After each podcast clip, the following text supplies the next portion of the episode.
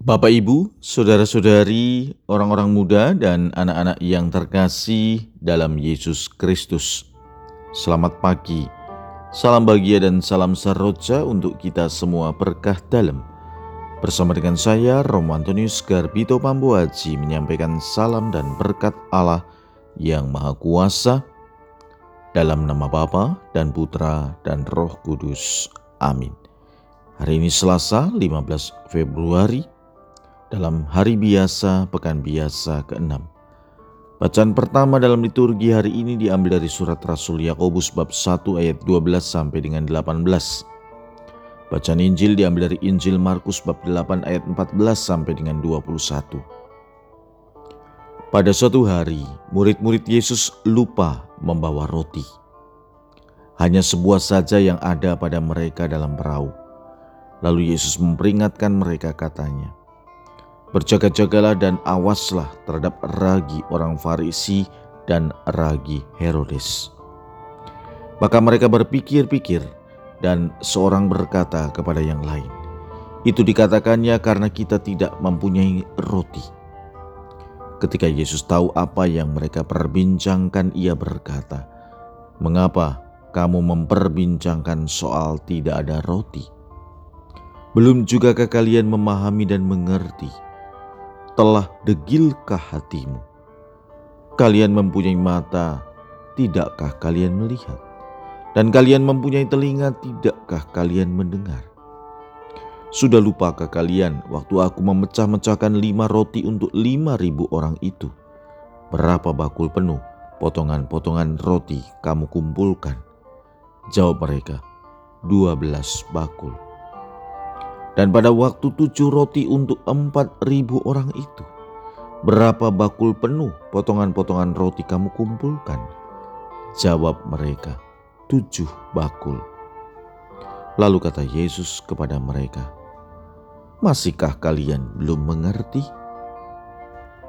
Demikianlah sabda Tuhan. Terpujilah Kristus.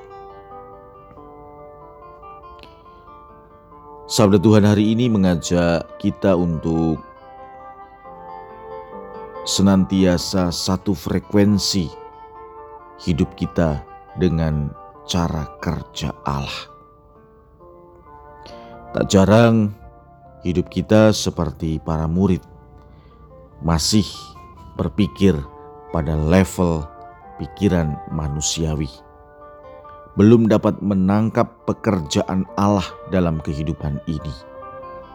Dan hari ini Yesus menginginkan agar kita bisa menangkap apa yang dikerjakan Allah dalam hidup kita. Mengapa? Karena kita ini murid-murid Yesus.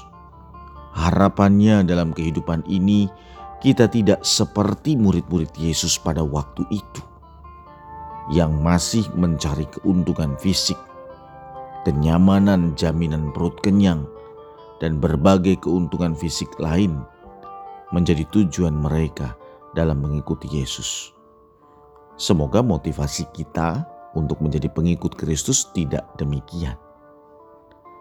Yesus ingin mengajarkan bahwa hendaknya kita sefrekuensi dengan cara kerja Allah.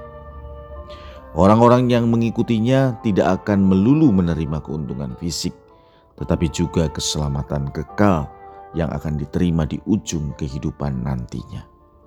Semoga kehidupan ini, kalau kita menerima, memahami, dan melaksanakan apa yang menjadi kehendak Allah, maka jaminan keselamatan kekal akan menjadi milik kita.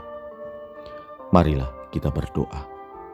Ya Tuhan, semoga hidup kami hari demi hari menjadi gambaran sungguh menjadi murid-murid Kristus.